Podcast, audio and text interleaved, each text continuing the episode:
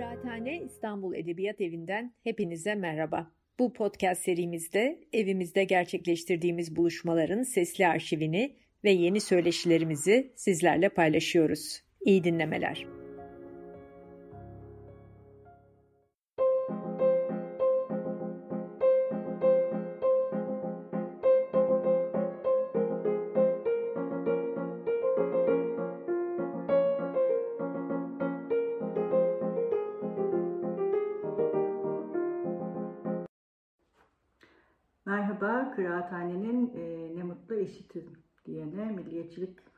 Konuşmalarında ben de bugün e, edebiyat ve milli kimlik inşasından bahsedeceğim.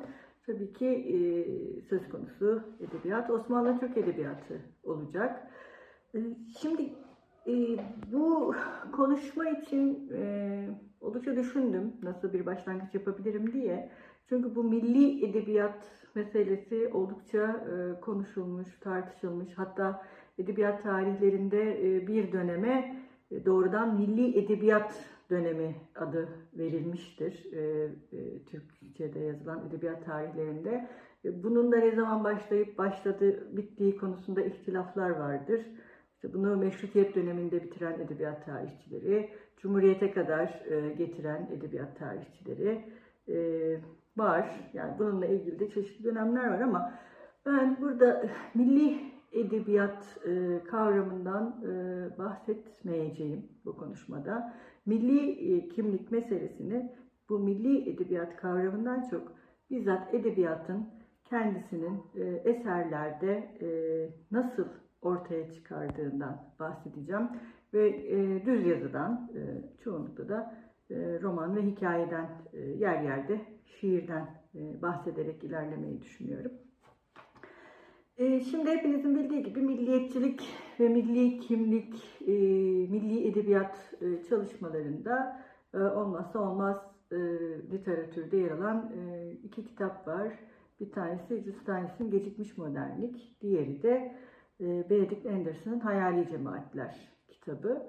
Her iki e, kitapta Türkçe'de bu konuda e, yapılan tartışmalarda hep kullanıldı, kullanılıyor e, ve kullanılmaya da devam edecek uzun zaman boyunca. Şimdi bu hikayede yani milli kimlik, bir kimlik inşa etmek ve bunun milli olması meselesinde edebiyat nasıl bir işlev üstleniyor. Şimdi tabii ki bu da e, Türkiye'deki modernlik tarihinden bağımsız düşünülebilecek bir şey değil. E, 19. yüzyılda e, yani Osmanlı Türk Edebiyatı'nda özellikle ikinci e, döneminde e, Batı kaynaklı özellikle Fransızca kaynaklı çevirilerin de artması sebebiyle hem edebiyat yeni türlerle tanışıyor hem de bu yeni türler ee, sadece yeni edebi şekilleri yaratmıyor, aynı zamanda dili ve üslubu da etkilemeye başlıyor şüphesiz. Çünkü zaten hayat değişiyor. Hayat değiştiği zaman tabii ki edebiyatta bundan bağımsız değil. Değişen hayatı anlatmanın yeni bir yolunu bulmak zorunda. Şimdi milli kelimesi 19. yüzyılda eserlerde genellikle milli hikaye, milli roman, işte Milli Musavver Hikaye diye e, kitapların üstünde yani kapaklarında ya da iç kapaklarında yazılır. E, buradaki e, bundan amaç bunun yerli olduğu yani Osmanlı sınırları içerisinde e, basıldığı anlamına gelir ama o milli içindeki içeriye dair bir şey söylemez. Yani e, Osmanlı topraklarında bir Osmanlı e, tarafından yazılmış olduğunu e, ifade eder. Milli kelimesi bu kitapların üzerindeki. Mesela bu dönemdeki kitaplara baktığımızda neden içerikten e, bahsetmez bu milli diyorum? Çünkü bu dönemde mesela işte yine 1860'lı e, yıllarda 1870'lerin başında yazmış T. Abdi e, diye bir yazarımız var. Hakkında çok fazla bilgimiz yok. T. Abdi'nin eserlerine baktığımızda e, çoğunlukla e, uzak ülkelere gidilen e, ve bu uzak ülkeler Arabistan ya da Mısır'dır.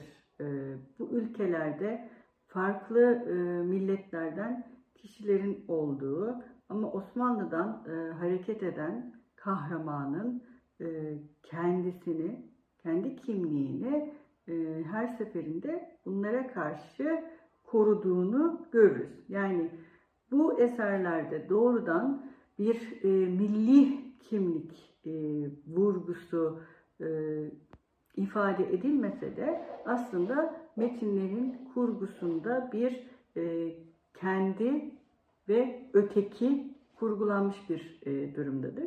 Benzer bir durum yine Ahmet Mithat Efendi'nin eserlerinde de vardır. İşte Haydut Monteri, Paris'te bir Türk gibi e, eserlerinde, Hayret'te e, Ahmet Mithat Efendi tamamen e, olayları başka bir e, ülkeye, ülkelere götürür. Ahmet Metin ve Şirzat'ta e, giderek bu coğrafya e, çeşitlenir. Birçok coğrafyadaki e, milletlerle, kişilerle karşılaştır ama yine Osmanlı'dan e, yola çıkan Osmanlı kahramanı kendi kimliğini bu ötekilere karşı her zaman korur. Dolayısıyla 19. yüzyılda ilk defa milli kelimesi geçmeye başladığında söz konusu olan durum Osmanlı yazarı tarafından Osmanlı topraklarında e, basılan kitabı, e, eseri ifade etmektedir ama bu eserin içeriğine yönelik e, bir tartışma henüz söz konusu değildir. Şimdi e, mesela yine bu dönemde 1845'te e, Şinasi'nin e, dönemin tersane e, müdürü Ziver Bey'e yazdığı bir tebrikname vardır. Ve bu tebriknamenin e, birinci mısrası Fransızca, ikinci mısrası tamamen Türkçe, üçüncü mısrası ve dördüncü mısrası da Arapça ve Acemcedir. Şimdi bu da ne demek? Yani çok e, dillilik içerisine e, edebiyatın ve resmi dilin içerisine Şinasi'nin Türkçeyi de yerleştirmesi demek. Yani Fransızca, Arapça, Acemce ve Türkçe. Şimdi bu önemli bir şey. Nitekim sonrasında e, Şinasi'nin bu milli e, kimlik konusundaki e, katkıları da devam edecek e, Osmanlı Türk Edebiyatı'na. Yine e, bu dönemde e, Osmanlı e, romanı ya da Osmanlı hikayesine e, baktığımızda ilginç olan örneklerden birisi de Mustafa Reşit'tir. Mustafa Reşit'in eserlerinde neredeyse olayların çoğu e, Osmanlı coğrafyasının dışında Avrupa'da, özellikle de İtalya'da geçer. Kahramanların büyük bir çoğunluğu İtalyandır. E, çok nadir olarak biz e, Osmanlı e, vatandaşlarına rastlarız. Bunlar da erkeklerdir, genç erkeklerdir ve bu genç erkeklerde e, bu e, yabancı kadınların etkisi altında kalırlar.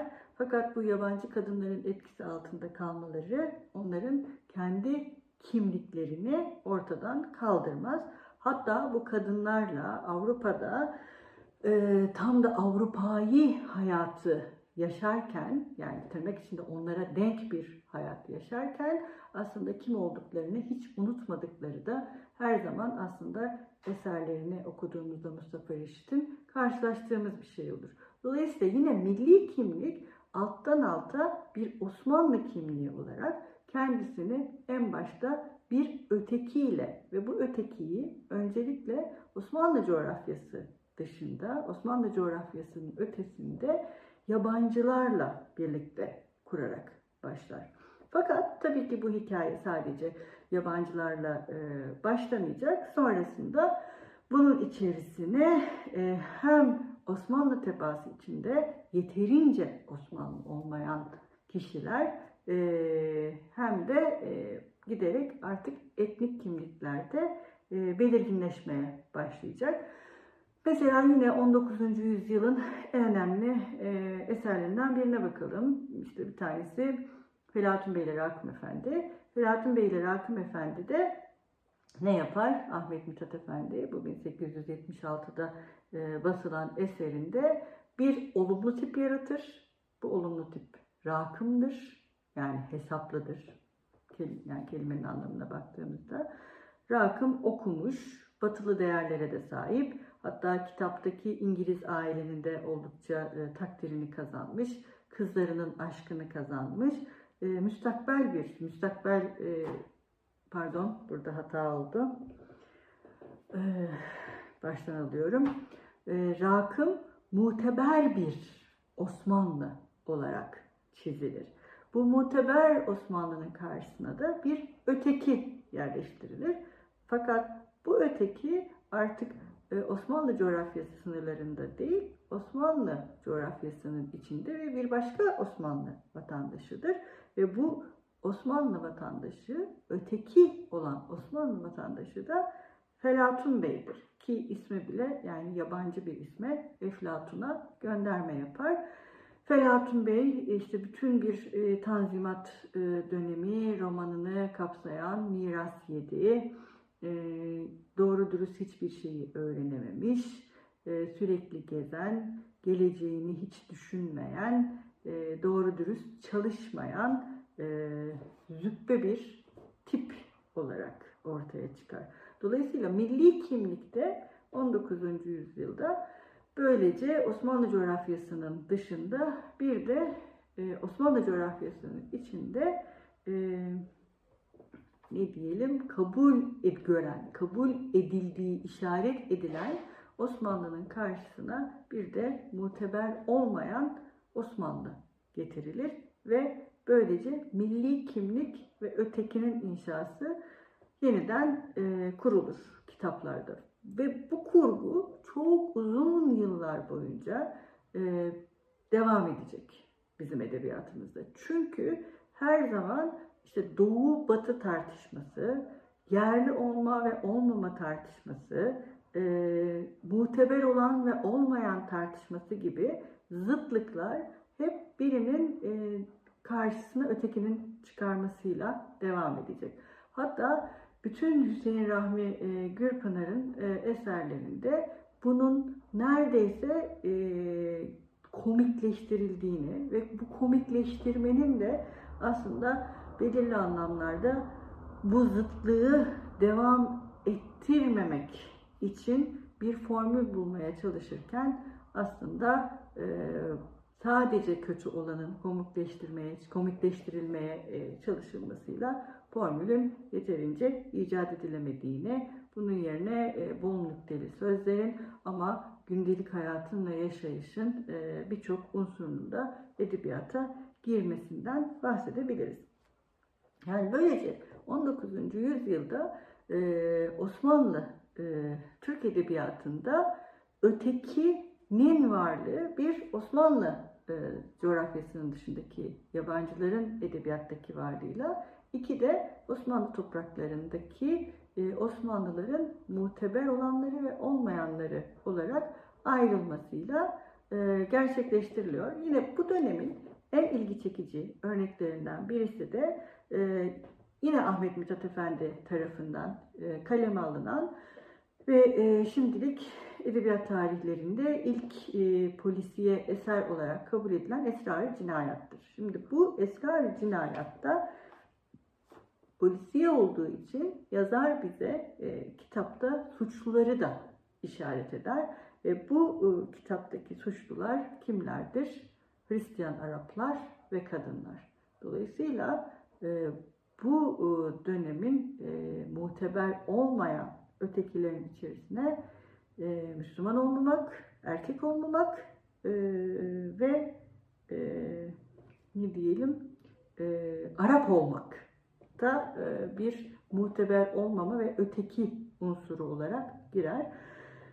Diğer taraftan bu dönemde yine eserlere baktığımızda e, tıpkı e, Ahmet Mithat Efendi'nin e, Esrar hayatında yaptığı gibi yine Namık Kemal'in de intibahında yine e, Sami Paşa Zade Sezai'nin sergüzeştinde kötü olarak çizilen, e, ötekileştirilen e, kahramanların hep Araplar olduğunu e, görürüz. Yani böylece öteki kimliği içerisinde, milli kimlik içerisinde Arapların olmaması gerektiği vurgusu da alttan alta yapılmaya başlar. Diğer taraftan 19. yüzyılda artık Osmanlı denilen kavramın tanımlanması, Osmanlı dilinin tanımlanması, Osmanlı edebiyatının tanımlanması da önemli bir çaba olarak görünür. Bu dönemde e, başta da bahsettim. Şinasi e, zaten e, Avrupa'ya e, gittiğinde birçok e, dil bilimciyle tanışır. Bunlardan en önemlisi Litre ve e, bir sözlük yazmak, e, bir Osmanlı grameri e, yazmak için çalışmalara başlar. Bunu bunları yaptığı da söylenir ancak henüz bunlara e, rastlayamadık. Henüz bunlar bulunmadılar. Diğer taraftan e, yine e, Şinasi'nin gazete çıkararak dili sadeleştirmesi yani dilin herkes tarafından anlaşılabilir bir dil olduğundan e, bahsetmesi de önemlidir. Yine bu dönemin e, önemli Türkçülük açısından özellikle önemli kişilerinden Ahmet Vefik Paşa'nın çevirdiği Şeceri Türkiye'de e, Şinasi'nin tasvir efkarında tefrika edilmeye başlar. Bu da önemli bir e, gelişmedir. Nitekim Ahmet Tevfik Paşa da Lehçi Osmani'yi e, yazarak e, Türkçe, Arapça ve Farsça olmayan Türkçe kelimeleri e, toplayarak önemli bir girişimde bulunur. Yine Şinasi'nin e, bu dönemde e, Durubu Emsali Osmaniye, Osmanlı atasözleri ve deyimlerini e, toplama e, ve buna dair bir eser yayınlama girişimi çok önemlidir. Ayrıca e, yine bu dönemde Ali Suavi'nin e, dilin daha rahat yazılması ve anlaşılması için Arap harfleri yerine Latin harflerini e, önermesi, Ziya Paşa'nın şiir ve inşa makalesinde e, edebiyatın, Osmanlı edebiyatının ki buradaki söylediği şey artık Türk edebiyatıdır.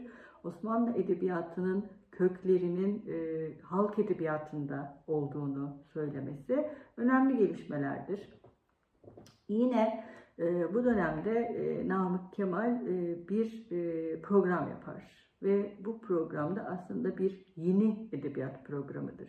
Ki bu yeni edebiyat programı aslında e, Osmanlı edebiyatının sınırlarını çizmek ve Osmanlı edebiyatının e, ne olduğunu göstermek açısından önemlidir.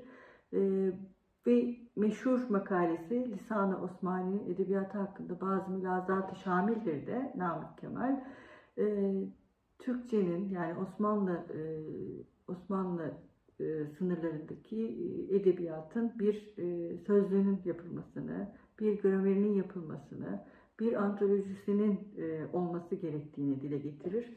Nitekim bunlar daha sonra işte Şemsettin Sami, e, Cahizade Mahmut Ekrem gibi e, dönemin önemli edebiyatçıları tarafından e, yapılacaktır. E, ve kendisi bazı yazılarında Türkistan'ın erbabı şebabı ifadesini kullanır ki bu Türkistan dediği yer Türklerin yaşadığı yerdir. Yani Osmanlı değil, Türklerin yaşadığı yer. Ve bu noktada da tabii e, Şemsettin Sami'ye mutlaka değinmek gerekiyor. Çünkü 19. E, yüzyıl e, Osmanlı edebiyatının en ilginç e, figürlerinden birisi Şemsettin Sami'dir. Şemsettin Sami 21 yaşında İstanbul'a gelir. Arnavuttur ve 21 yaşında İstanbul'a geldiğinde aslında Türkçesi de çok iyi değildir. Fakat sonrasında Türkçenin en önemli sözlüklerinden birisine üstelik adını Kamusu Türki koyarak, Osmanlı Kamusu değil, Kamusu Türki yani Türk, Türkçenin sözlüğü olarak e, koyarak e, yazan kişidir. Başka sözlükleri de var. Kamus Fransevi, Kamusul Alam, Kamusu Arabi e, gibi. Ayrıca Orhun e, Orhun abdeleriyle ilgili e, bir e, çalışması var.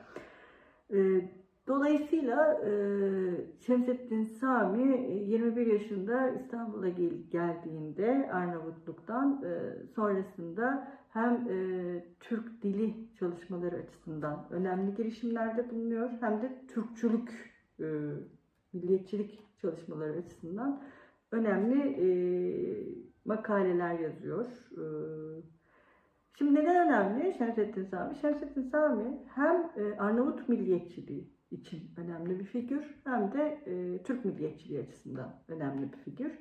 Çünkü e, abileriyle beraber Arnavutluk'taki milliyetçiliğin en önemli temsilcilerinden birisi kabul ediliyor Şemsettin Sami ve Arnavutluk'ta özellikle Harf dergisinde e, yazdığı makalelerde bir Arnavutların e, kökeninin çok eskiye dayandığı, işte Arnavutların bu kökenle birlikte köken mitlerinin nasıl ortaya çıktığını, Arnavutluğun tarihinin çok eski olduğunu, Arnavutluğun Yunan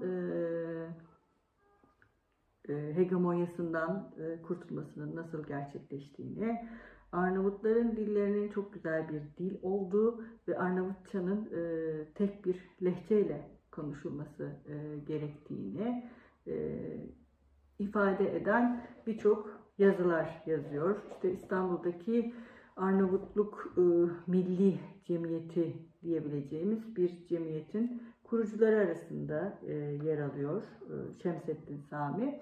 Dolayısıyla bu Benedict Anderson'ın söylediği işte köken miti, belirli bir coğrafyayı işaret etmek, tarih, e, eğitim e, gibi bütün e, milliyetçiliğin önemli unsurlarının Şemsettin Sami Arnavutluk milliyetçiliği söz konusu olduğunda yazıyor.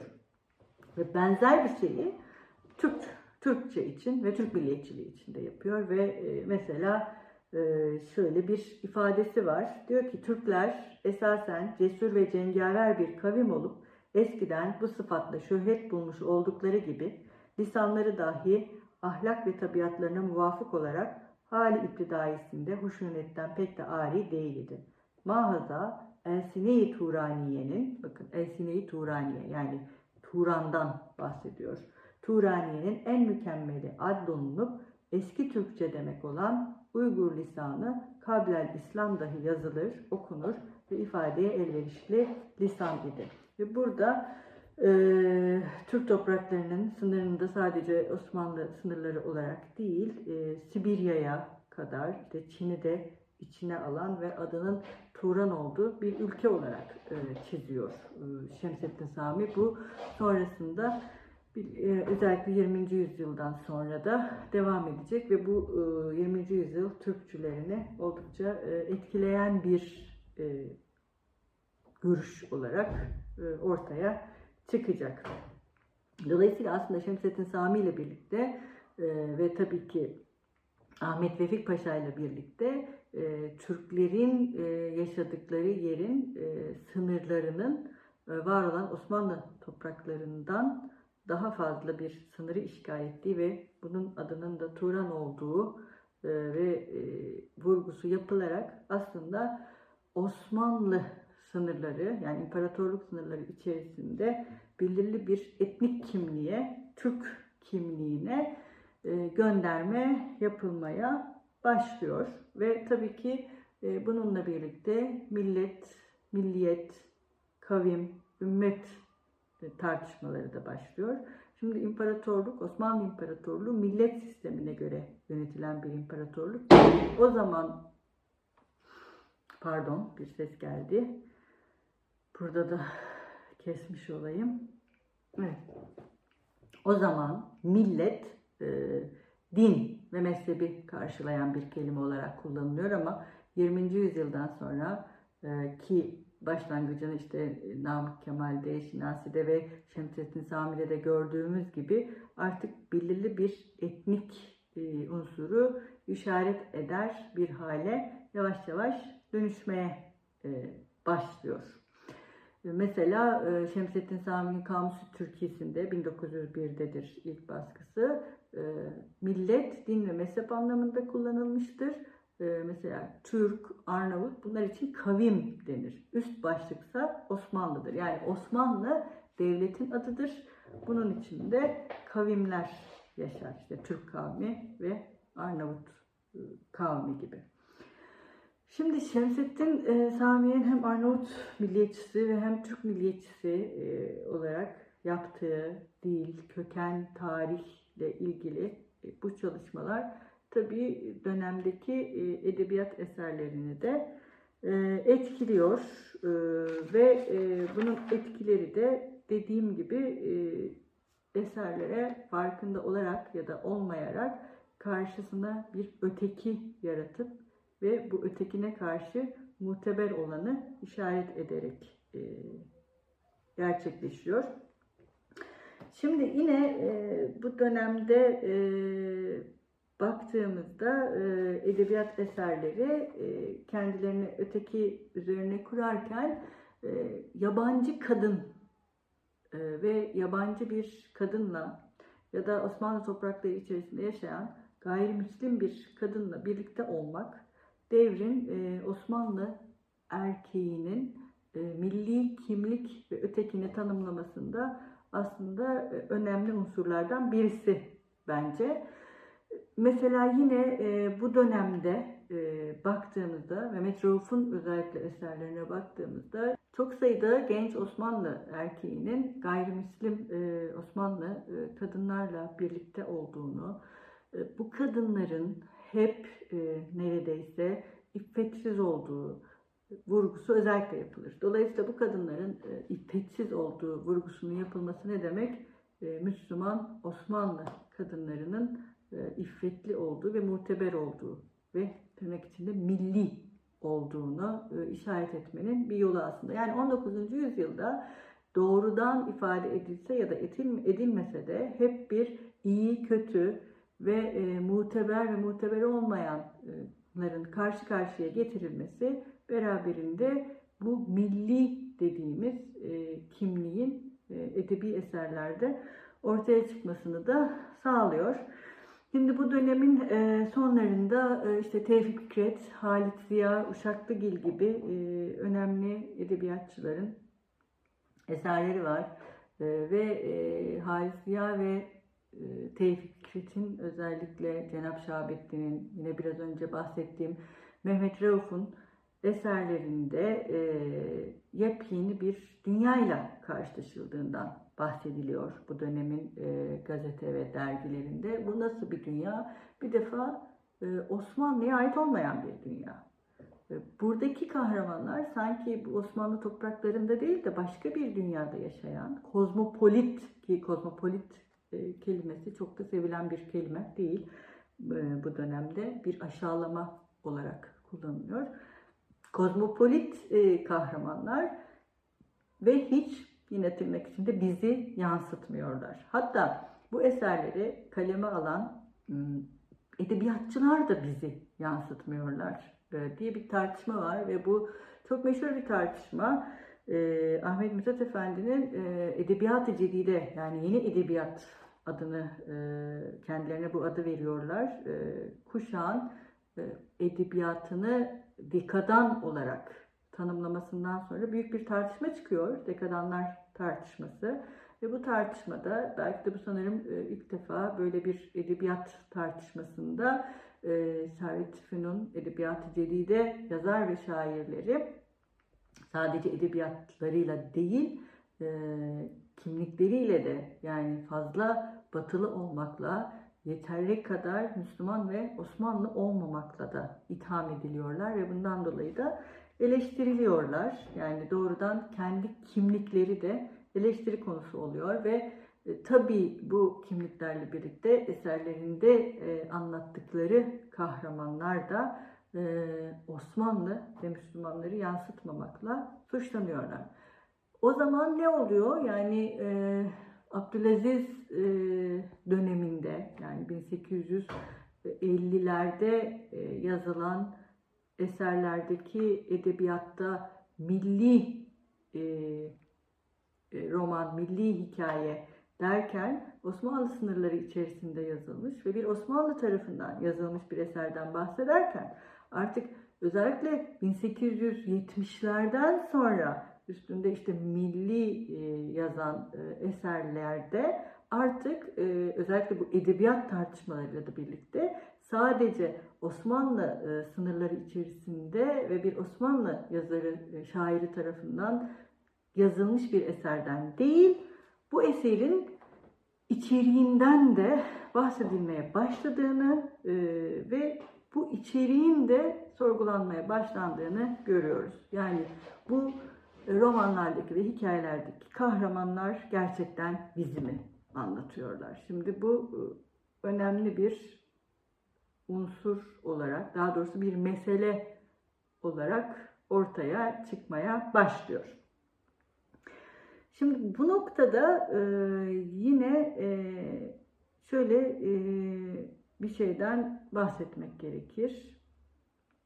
Şimdi bu e, tartışmalarda işte yerli olmamakla, e, yeterince Müslüman olmamakla eleştirilen ve yeni bir edebiyatı savunan, işte e, yurt dışındaki, özellikle Avrupa'daki edebiyatı yakından takip eden bu Osmanlı edebiyatçıları, Osmanlı aydınları gerçekten milli değiller midir? Kendileri milli değiller midir? Bir de eserlerinde ortaya koydukları e, kahramanlar ve yarattıkları edebiyat milli edebiyat değil midir? Ve bir milli kimliği yansıtmaz mı onların kahramanları? E, bunu bir soru olarak şimdilik aklımızda tutalım. Çünkü bu soru sonrasında özellikle 20. yüzyılda birçok e, edebiyatçının da temel sorusu olarak ortaya çıkacak. Hatta e, işte özellikle Balkan Savaşları'nda bu soru e, Yeni Lisan Hareketi'yle Genç Kalemler dergisinde ortaya çıkan hareketle, edebiyat hareketiyle daha da ideolojik hatta politik bir soru haline gelmeye başlayacak.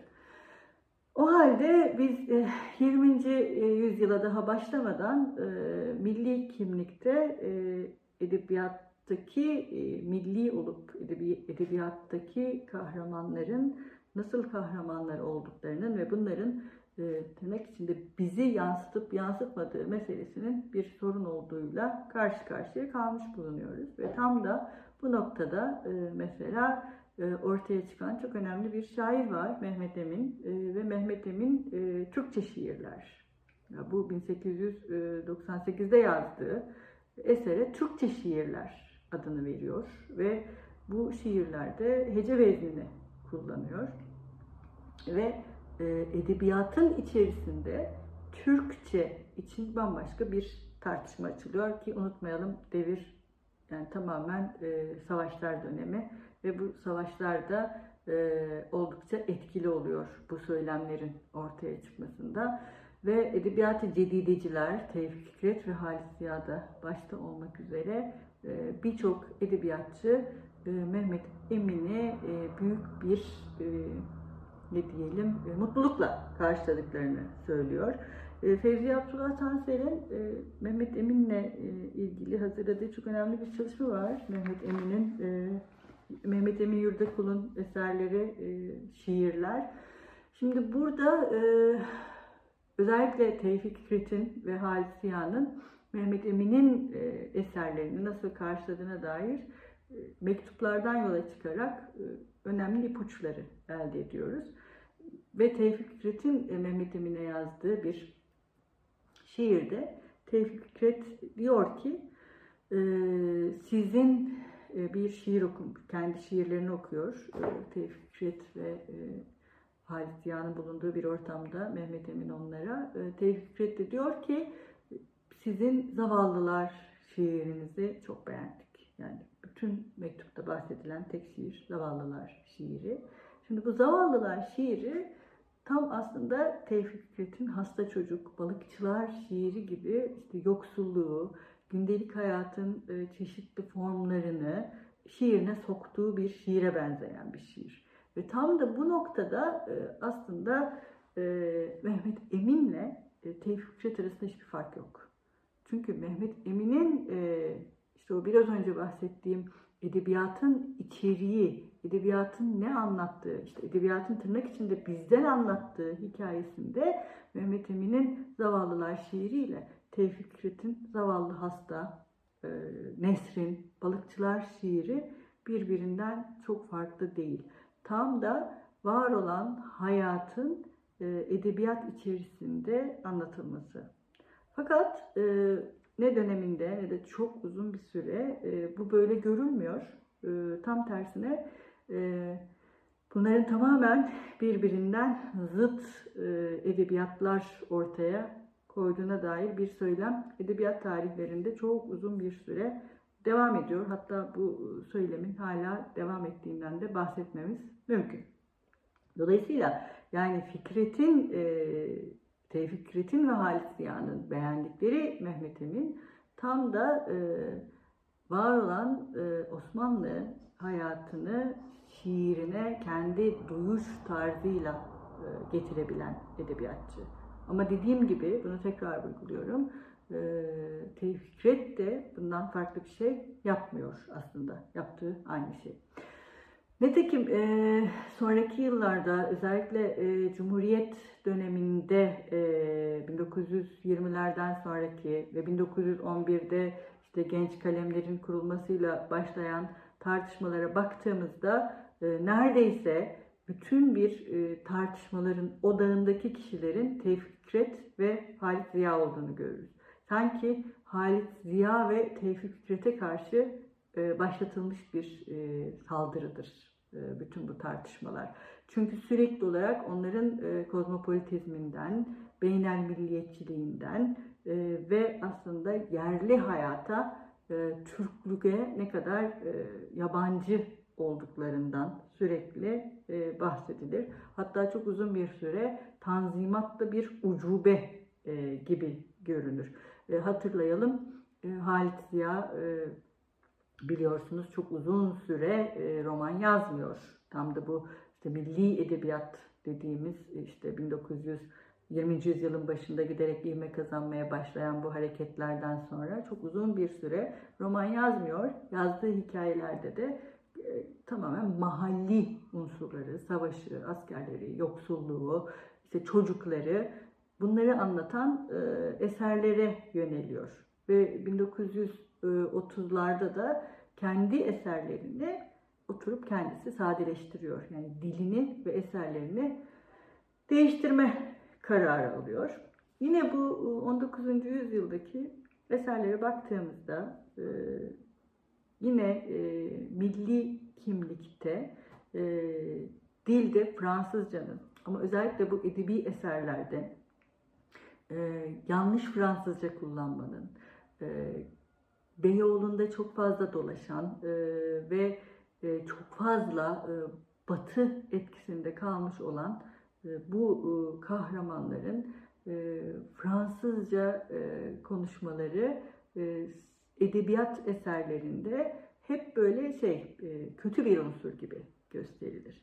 Hiç, yani doğrudan bunların bir milli kimlik e, inşasındaki rollerinden bahsedilmese de kendi dilini kullanmayan, e, araya sürekli olarak Fransızca kelimeler koyan e, tiplerin varlığı aslında yine bize ötekinin inşasıyla e, makbul olanın, e, milli olanın inşasının gerçekleştirilmesinde nasıl önemli bir rol olduğunu gösterir.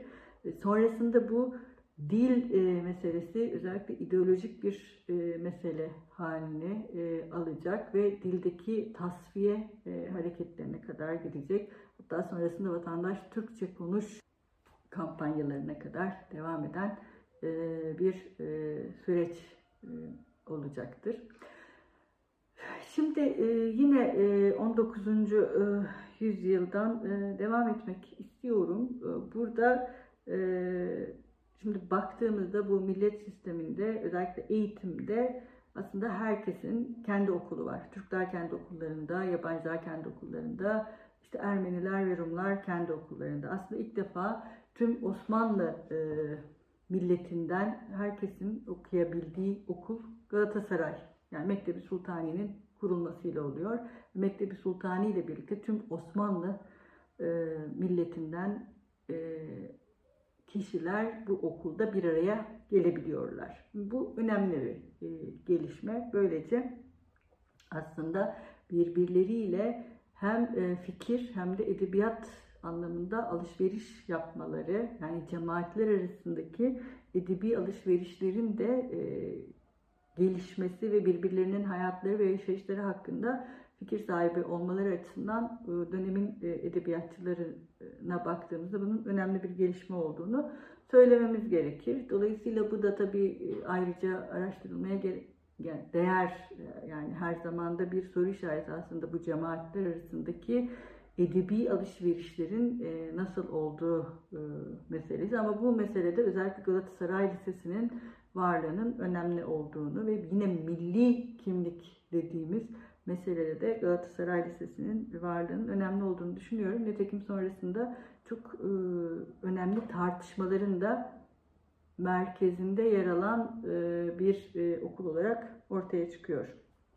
Galatasaray Lisesi. Şimdi biraz böyle işte 20. yüzyıla geldiğimizde yeni lisan hareketiyle işte genç kalemlerin e, varlığıyla ve Balkan Savaşları'nın varlığıyla e, tamamen artık Türkçü bir e, söylemin hakim olduğunu ve bunun belirli bir etnik kimliği ve bu etnik kimliğin de aslında çok büyük işte Turan adı verilen bir coğrafyayı kapsadığını ve bu coğrafyanın edebiyatının da ancak Türkçe ile e, olabileceğine işaret edildiğini görüyoruz. Biraz önce şeyi söylemiştim. E, neredeyse bütün bu yani hem genç kalemler hem de e, Cumhuriyet dönemindeki tartışmalarda yani milliyetçilik ve Türkçülük söz konusu olduğunda sanki bütün bu tartışmalar Tevfik Fikret ve Halit Ziya'ya karşı yapılan bir tartışmaymış gibi görülür. Şimdi bu e, Ziya Gökalp'in Kızıl Elma e, şiirinden e, ilk şiir. Bu 1913 yılında yayınlanıyor ilk defa. Kızıl Elma şiirinde mesela şöyle bir bölüm var.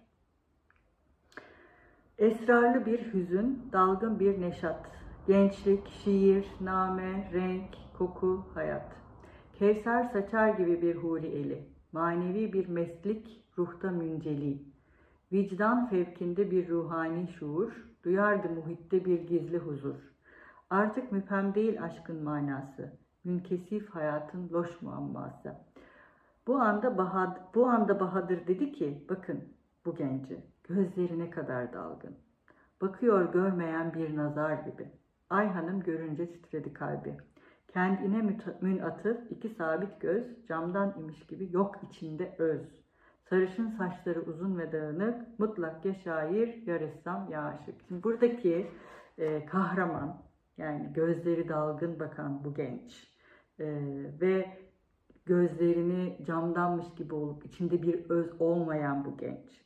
Sarışın uzun saçlı ve bu sarışın uzun saçlı dağınık e, saçlı mutlak şair ya da ressam e, ya da aşık olduğu söylenen genç e, aslında Mavi Siyah'ın Ahmet Cemil'i e, Halis Ziya'nın o meşhur e, romanının kahramanı Ahmet Cemil. Yani tam da bu dalgın kendi özünü kaybetmiş, sarışın uzun saçlı ve hiçbir şekilde yani Türkiye benzemeyen e, tip olarak e, ortaya çıkan kişi kim?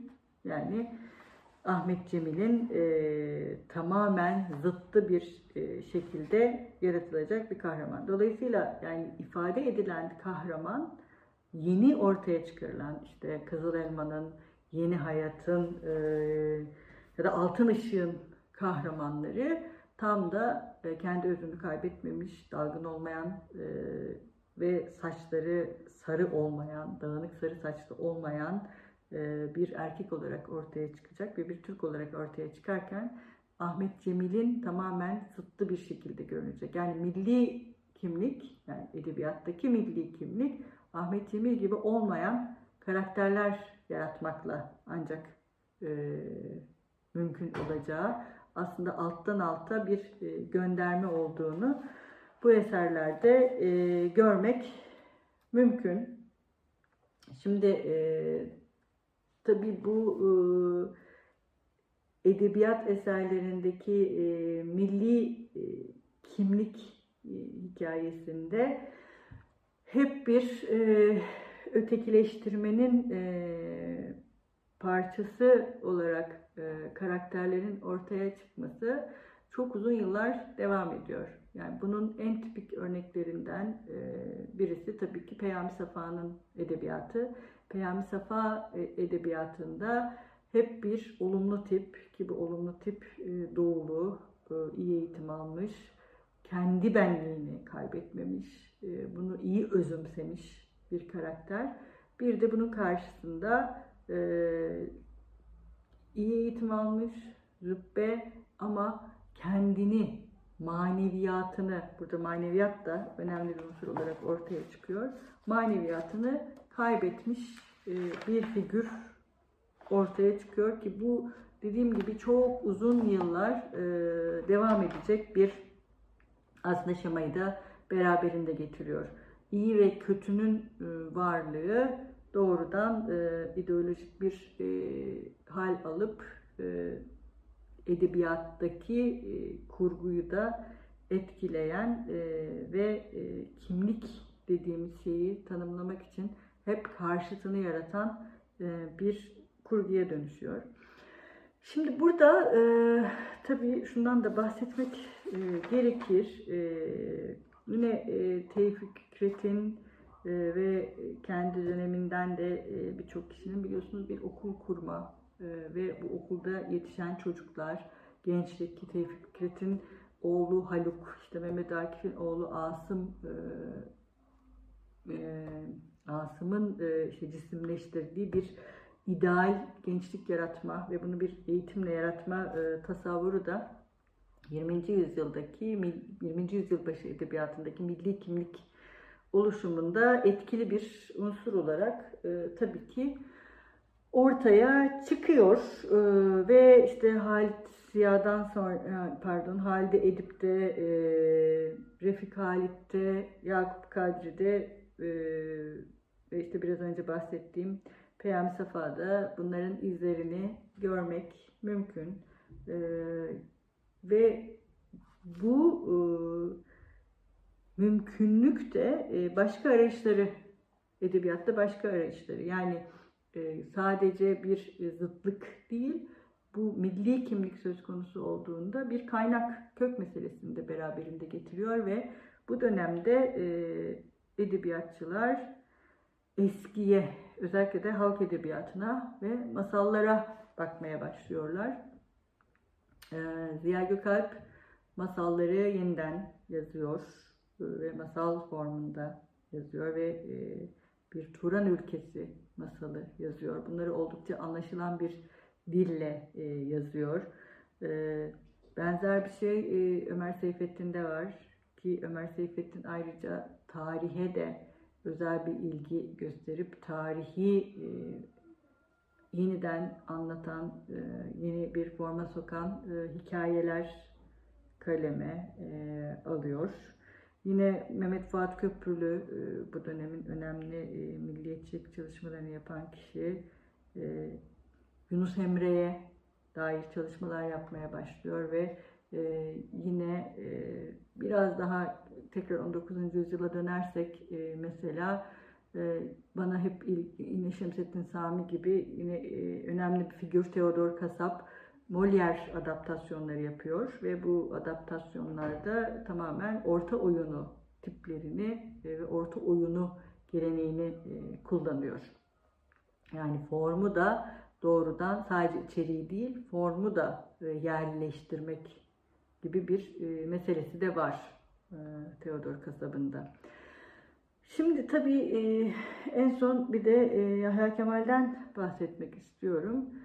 Yahya Kemal bir e, beyaz lisan peşine düşüyor ve e, yeni Osman yani yeni e, lisancılarla e, bu anlamda biraz farklı e, edebiyatı.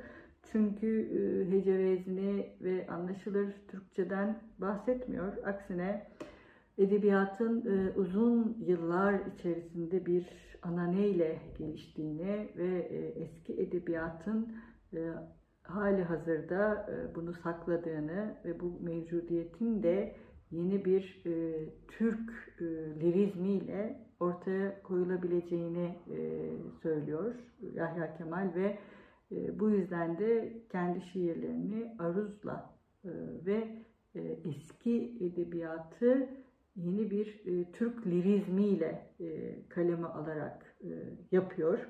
Ve böylece hani milli olanı anlatmanın, milli kimliği anlatmanın yolunun eskiyi tamamen inkar etmek ve eskiye ait, eskiyi anlatan edebiyata ait dili inkar etmekten geçmediğini, e, bunun farklı bir e, yolunun da e, olduğunu ve aslında bu Türk ruhu, işte Türk ırkının ancak bu edebiyatla ortaya koyulabilecek, Türk lirizmiyle anlatılabileceğini ortaya koyan eserler kaleme alıyor.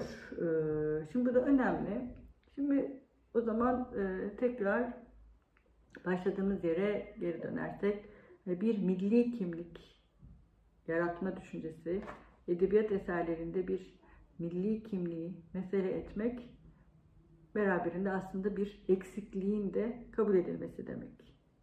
Ee, ve eksik olanı e, ortaya koyacak olan edebiyatın bunu edebi eserlerde nasıl yaratacağı konusundaki en önemli malzeme öncelikle ötekini yaratmak. Ve pardon bunu da silelim. Ve 19. yüzyıl Osmanlı edebiyatından başlayarak giderek Türk kimliğiyle, Türk edebiyatıyla somutlanan, muteber Türk e, kimliğini yansıtan bir e, edebiyata dönüşen e, bu edebiyatın milli kahramanları ötekiyle besleniyorlar ve kendi varlıklarını ötekine göre inşa ediyorlar. Pardon, çok affedersiniz. Ee,